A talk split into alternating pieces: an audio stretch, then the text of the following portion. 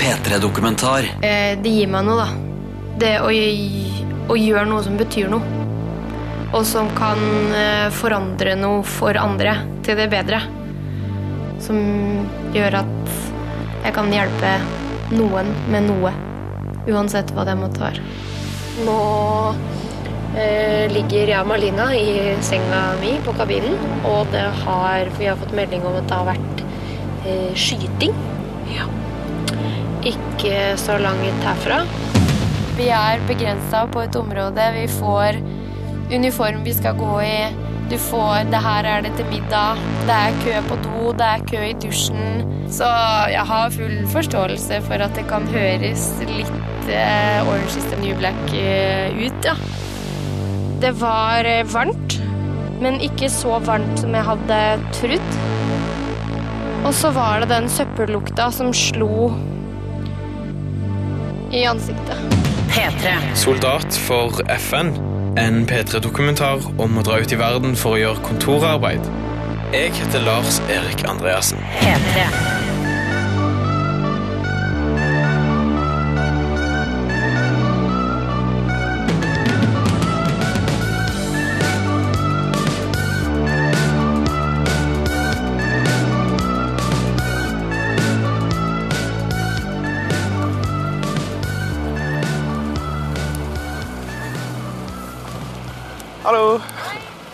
Har du venta lenge, eller? Nei, jeg kom akkurat.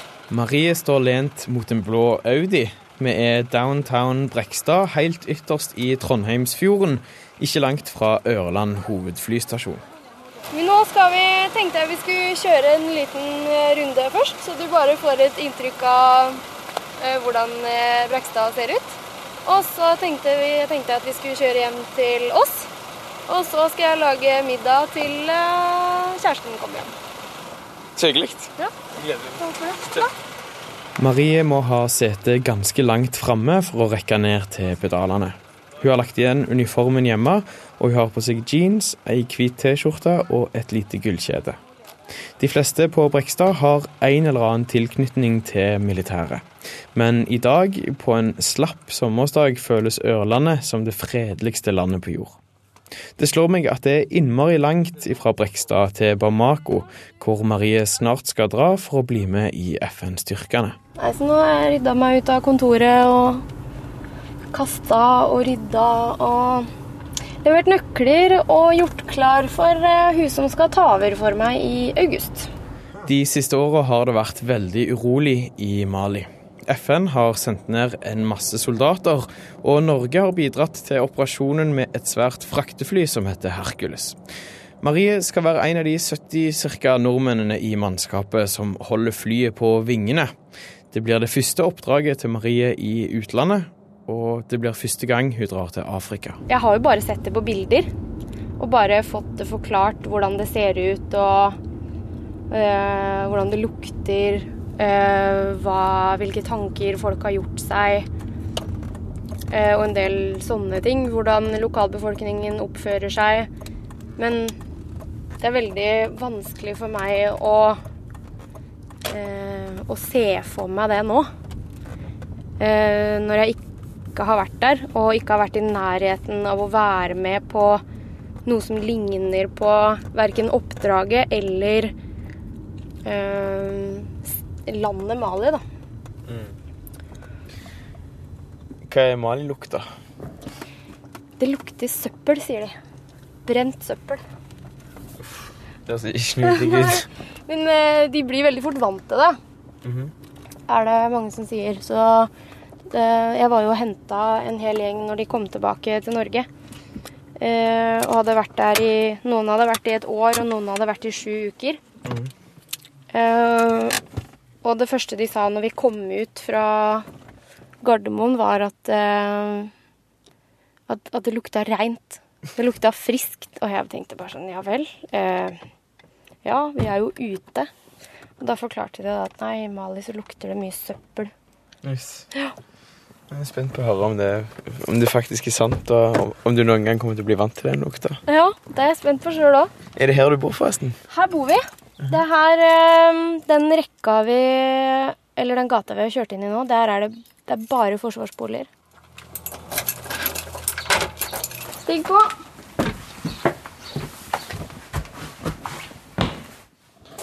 Er det et oppåspart jacuzzi? Eh, ja, det er det faktisk.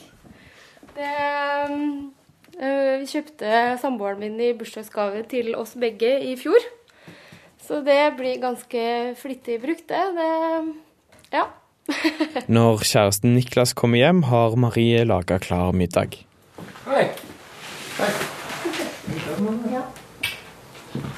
Kylling tikka masala står klart på hagebordet ved siden av den store oppblåsbare jacuzzien.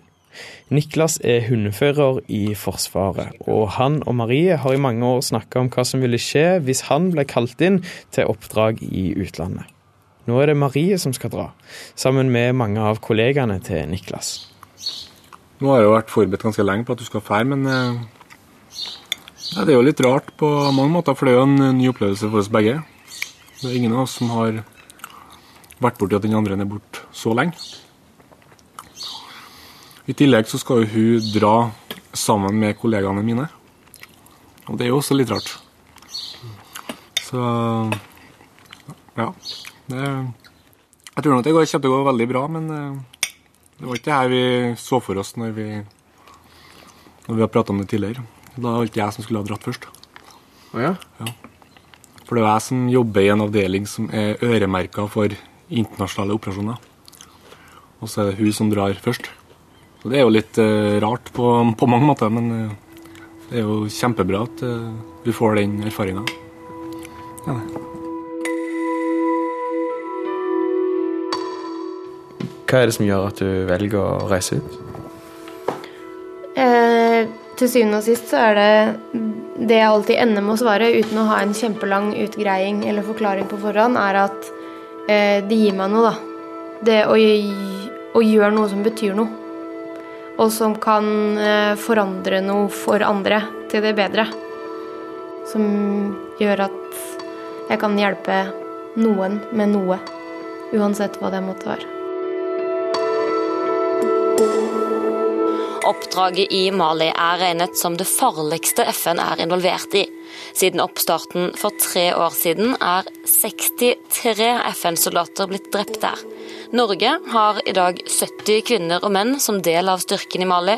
Dette er det største norske FN-bidraget på flere år. Det er dette Marie skal være en del av. MINUSMA kaller FN det. De har 10 000 soldater i Mali som skal passe på at militante grupper fra nord ikke sprer seg sørover.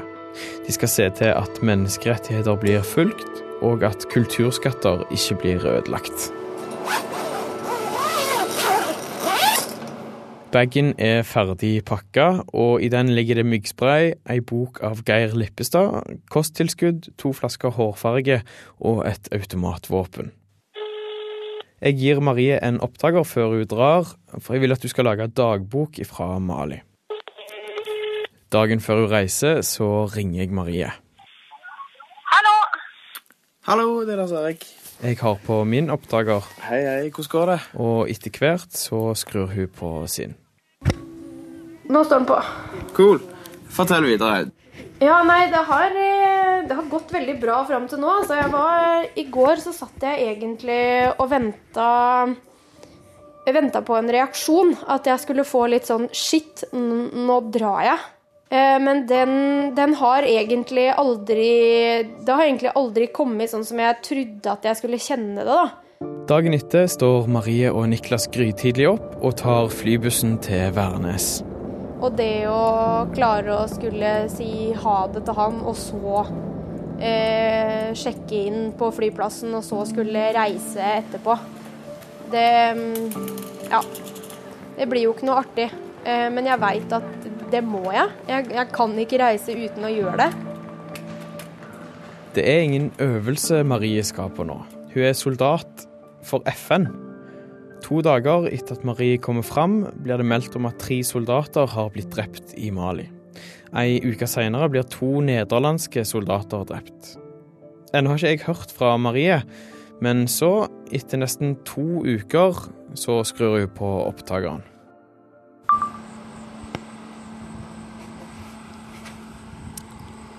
I dag er det søndag 10. juli.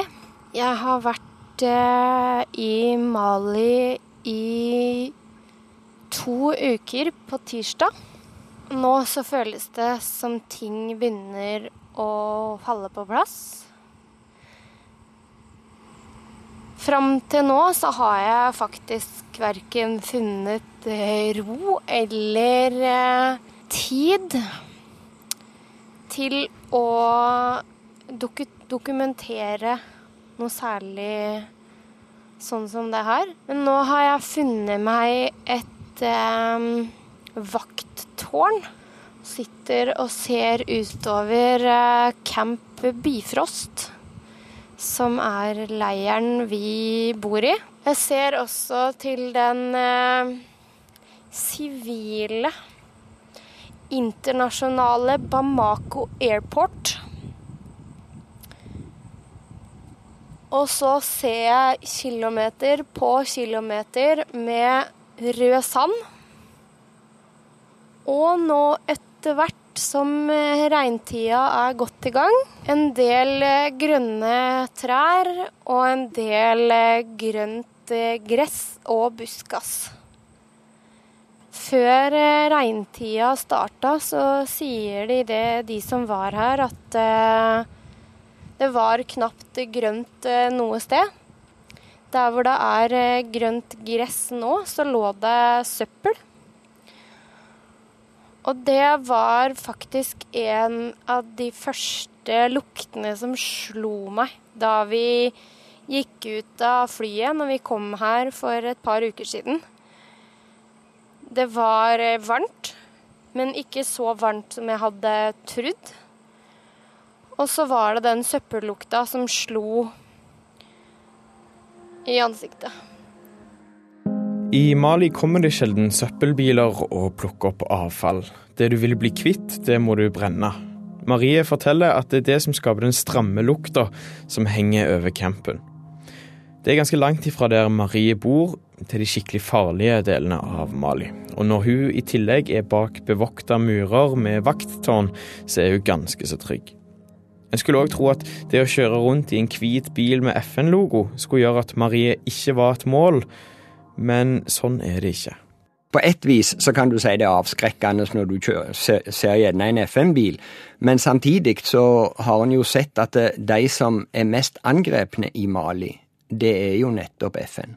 Kåre Christensen har leda et bistandsprosjekt i Timbuktu i Mali, men da terrorgrupper i nord starta en offensiv i 2012, raserte de alt han hadde vært med på å bygge opp.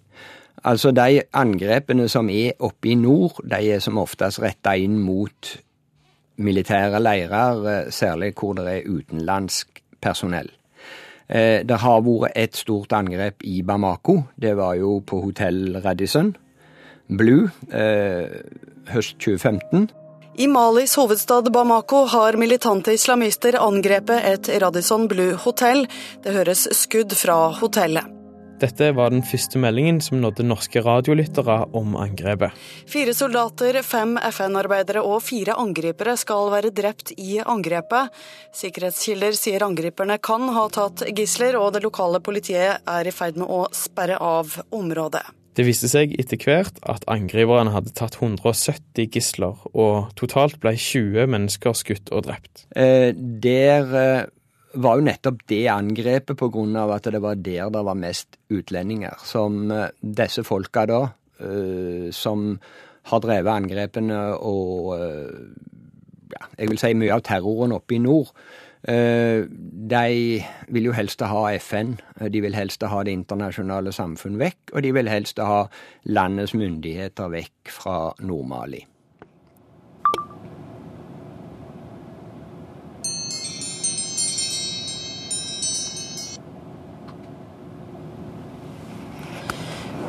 Nå er klokka ti på seks. Og jeg skal opp for å jogge før frokost. Etter et par uker med tilvenning begynner livet i Mali å bli hverdag for Marie. Og det blir lettere å få overskudd til å lage radiodagbok. Da er klokka et par minutter over eh, seks. Vi hadde egentlig tenkt å løpe på tredemølla fordi øh, vi jentene skal, hel- skal ikke utafor eh, camp eh, med mindre vi har med oss en mann. Men nå var begge tredemøllene opptatt. Så da blei det sykling Eller spinning i stedet. Som hun liker å gå. Ser hun ned på en by som brenner.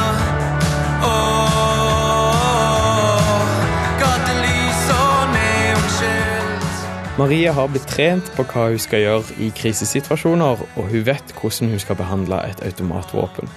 Men det viser seg at de faktiske problemene i Marie sin hverdag ja, det er ting som ingen har forberedt henne på.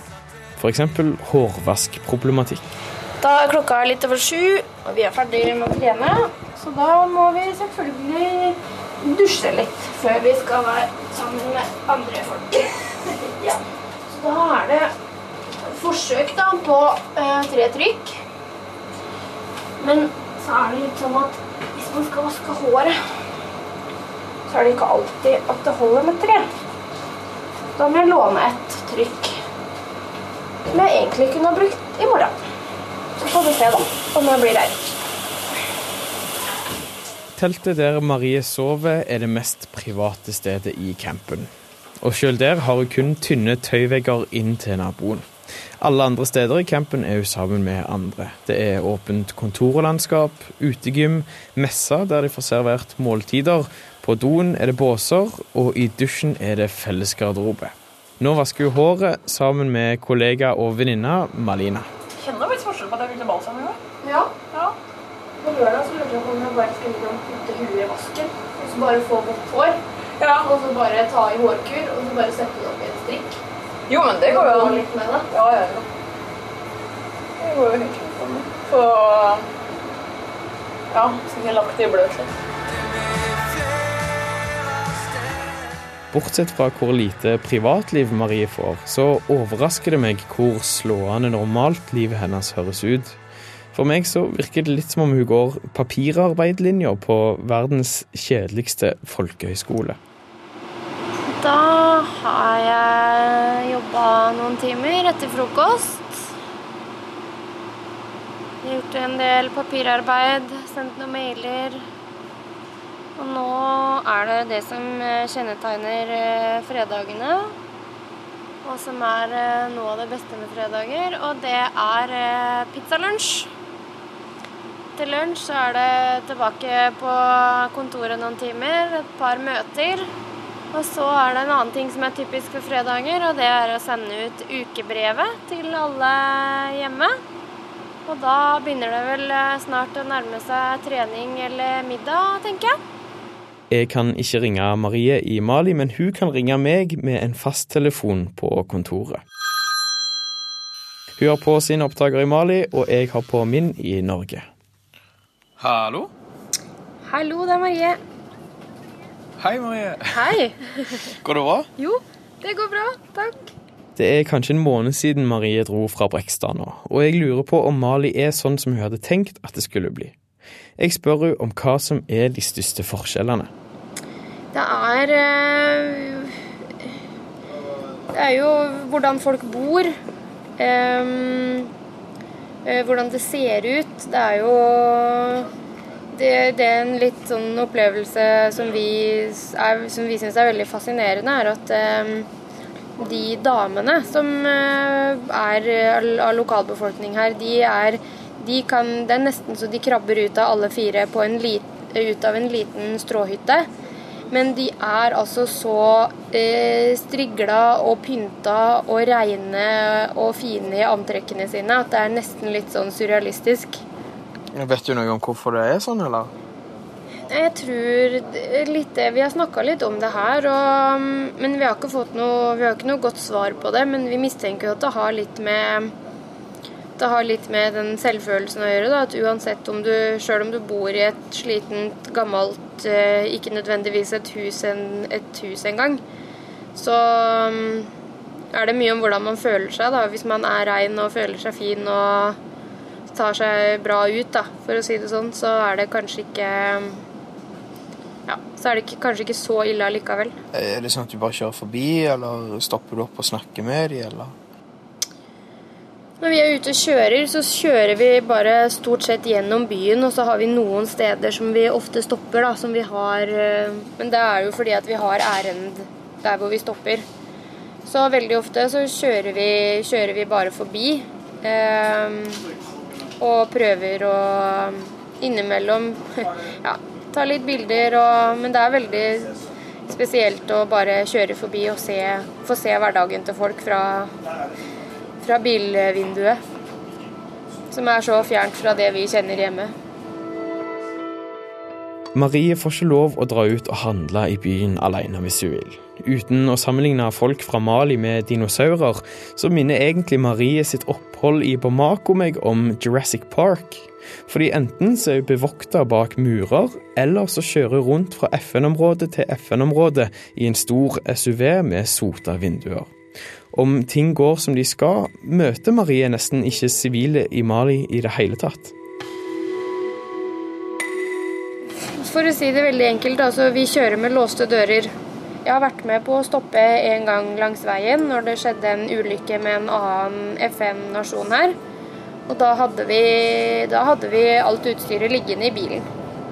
Så de er eh, Litt det vi har eh, blitt eh, lært når vi kom hit, er at hvis du vinker og smiler til dem, så vinker og smiler de til deg. Så det vil ha veldig mye med vår innstilling til de å gjøre. På fritida hender det at Marie og Malina henger sammen på kabinen. De snakker om livet, jobben og hvorfor i all verden de egentlig har lyst å være i Mali. Og det viser seg at det ikke bare handler om å gjøre verden til et bedre sted. Det handler òg om mestring og det å bevise at du faktisk kan. Men det tror jeg de får Man får kanskje mer spørsmål om det hjemmefra. Hvorfor, hvorfor vil du reise? Og det, ja, det snakka jeg jo litt om. Det er jo personlige grunner for å reise. Og jeg er helt sikker på at det er enkelte som ikke tenker to ganger om de reiser med Nato eller om de reiser med FN, fordi de jobber i Forsvaret. Det er en Mm. mulighet som dukker opp. Det er en del av, av jobben. Og det er jo et sånt gammelt bilde som er brukt på det, da, men man har en, det er ofte sammenligna med det å spille fotball. At eh, når man er hjemme i Norge, så øver man når man trener. Man får komme på trening. Mm. Men får man muligheten til å reise ut, så er det akkurat som man får lov til, da får man lov til å spille kamp. Og de, altså, hvis man driver med fotball, så har man lyst til å være med i startelveren. Ja. og det er kanskje litt sånn rart å tenke på det på den måten, men du får faktisk muligheten ja, til, å, til å utøve noe da, man har Mm. trent på. Så syns jeg det er veldig gøy hvordan, hvordan mange hjemme formulerer spørsmålet om det med det her med å reise ut. Da det er mange som spør 'hvorfor må du'? Ja, den er fin. Eh, Hvorfor og er det jeg, deg? Ja, hvorfor må du reise? Og da Jeg liker egentlig å få det spørsmålet, for det er veldig Altså, jeg må ingenting. Jeg har valgt dette. Jeg har valgt det helt sjøl. Fordi at det her er noe jeg har lyst til. Og det er, det veit jeg Det er flere hjemme som sier òg, som går og trener på det samme dag ut og dag inn.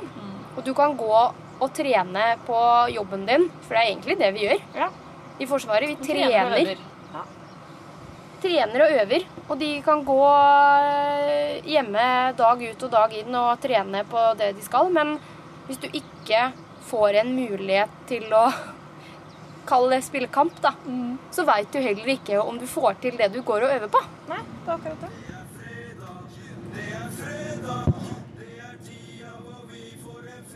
Klokka er ti på halv ti, eh, og sånn pleier vi å starte fredagene på kontoret. Dagene går i Mali. Marie sin fotballkamp består som regel i å fylle ut reiseregninger for soldater som kommer og drar, samt å passe på at det står rom ledige og at senger er oppredde når nye soldater ankommer. Altså Uansett hvor mange papirer jeg flytter, og hvor mange mailer jeg sender, så er det det at jeg gjør de oppgavene, gjør at noen andre kan fokusere på andre ting, som gjør at vi får det flyet i lufta. Så mens Herkulesen flyr med materialer, personell og forsyninger til de farlige områdene i nord, så jobber hun og trener sammen med kollegaene sine forholdsvis trygt inne på Camp Bifrost. Mandag til lørdag er arbeidsdager. Kun søndag har Marie fri. Men hun har ikke lov til å dra ut av campen for å sjekke ut Mali. Derfor må hun nøye seg med de fritidsaktivitetene som finnes innenfor murene. Da er det søndag. Søndag er low ops day.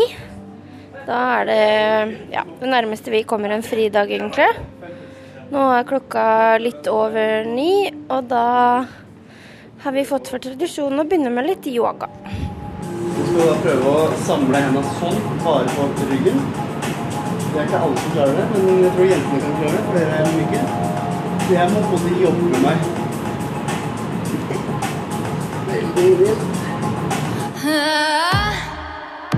Hver søndag hjemme i Norge så ruller det ut nye episoder av Nobel. Dramaet om norske styrker i Afghanistan, verdenspolitikk og Norge som fredsnasjon. De får ikke Marie Strima ifra Mali, så hun smører seg med tålmodighet og litt solfaktor 30, og så finner hun andre måter å få fridagene til å gå på. Siden det er søndag og fridag, så blir det neste en tur på soltaket. Herre Gud, ditt dyre navn at vi har fått besøk av eh, Einar, som er eh, prest. Eh, så da har vi hatt feltgudstjeneste og kirkekaffe. Med vafler og kaffe og cinnamon buds. Som det vanligvis er på søndager. Gud om alle land og øde. Gud er Gud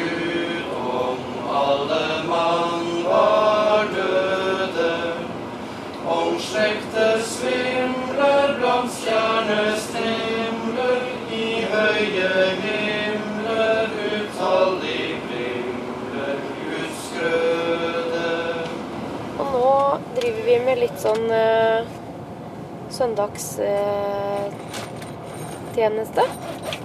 og det er litt sånn uh, vasking av kabin, litt eh, rydding. Og så sitter vi egentlig her og bare prater litt eh, skit og koser oss. Dagen etter Marie har blitt velsigna av feltpresten, er det mandag 24. oktober, den internasjonale FN-dagen. Det er bare ei uke til Marie skal hjem på sin andre liv, og på vei opp til Niklas på Brekstad så skal hun innom familien på Østlandet for å se dem igjen for første gang siden hun reiste i sommer. På kontoret går alt som normalt. Marie logger reiseregninger, trener og passer på at alt det administrative er i orden. Men på kvelden får hun beskjed om at noe foregår utenfor leiren. Eh, nå er det er mandag. Klokka er snart eh, ti på kvelden. Og nå eh, ligger jeg og Malina i senga mi på kabinen. Og det har, vi har fått melding om at det har vært eh, skyting. Ikke så langt herfra. Eh, så vi var egentlig på tur i seng, begge to. Men nå er vi litt sånn eh, på vent for å høre hva som skjer. Eh, For hvis det nå skulle skje noe, så må vi få på oss vest og hjelm. Det som er litt eh, spesielt nå, er at vi vet jo egentlig ikke hva som skjer. Og det er jo selvfølgelig da man får litt sånn rykter og litt sånne ting. Så vi, Mm. vi driver egentlig og venter på å få en, en avklaring på hva som har skjedd. Og hva som skjer videre. For vi har jo alt klart i tilfelle vi må gå i shelter. Det er i hvert fall første gangen i løpet av den tida jeg har vært her, at vi faktisk har vært i den situasjonen her. At det er litt sånn mm, Nå vet vi ikke hva som skjer, men det skjer noe. Da har vi vært eh, oppe, fått en oppdatering på situasjonen. Eh, Og det viser seg at det har faktisk vært skyting mot eh, mot eh, lokale luftforsvaret her, Fama. Eh, egentlig helt hva som har skjedd, og hvorfor. Det veit vi ikke.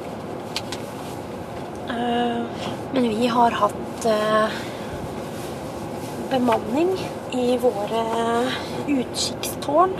Der har eh, Force Protection vært oppe med hjelm og vest og litt tyngre våpen tilfelle det skulle skje noe.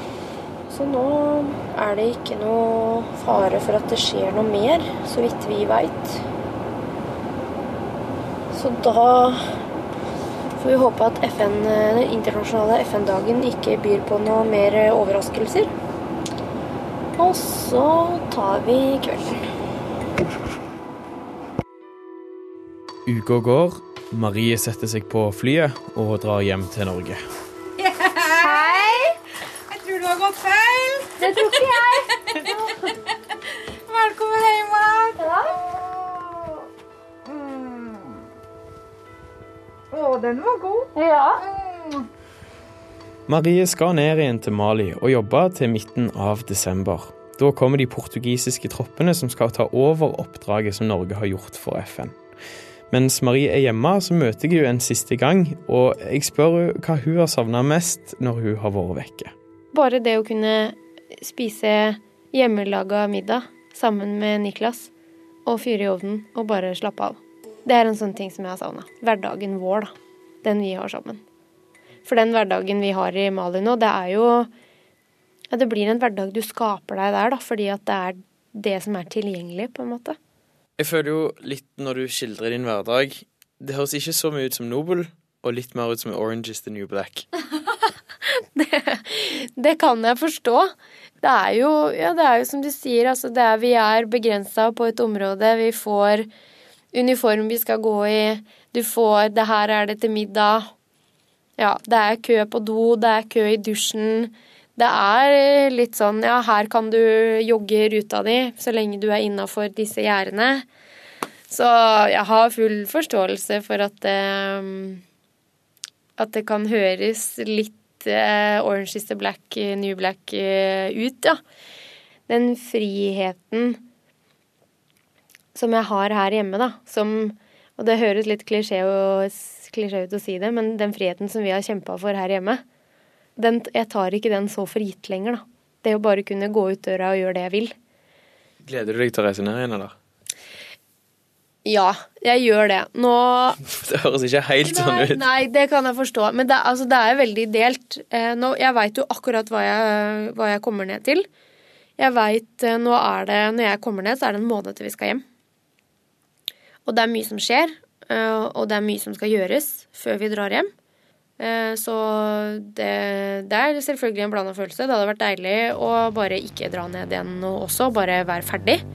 Men det skal bli godt å dra ned igjen og avslutte det man har begynt på.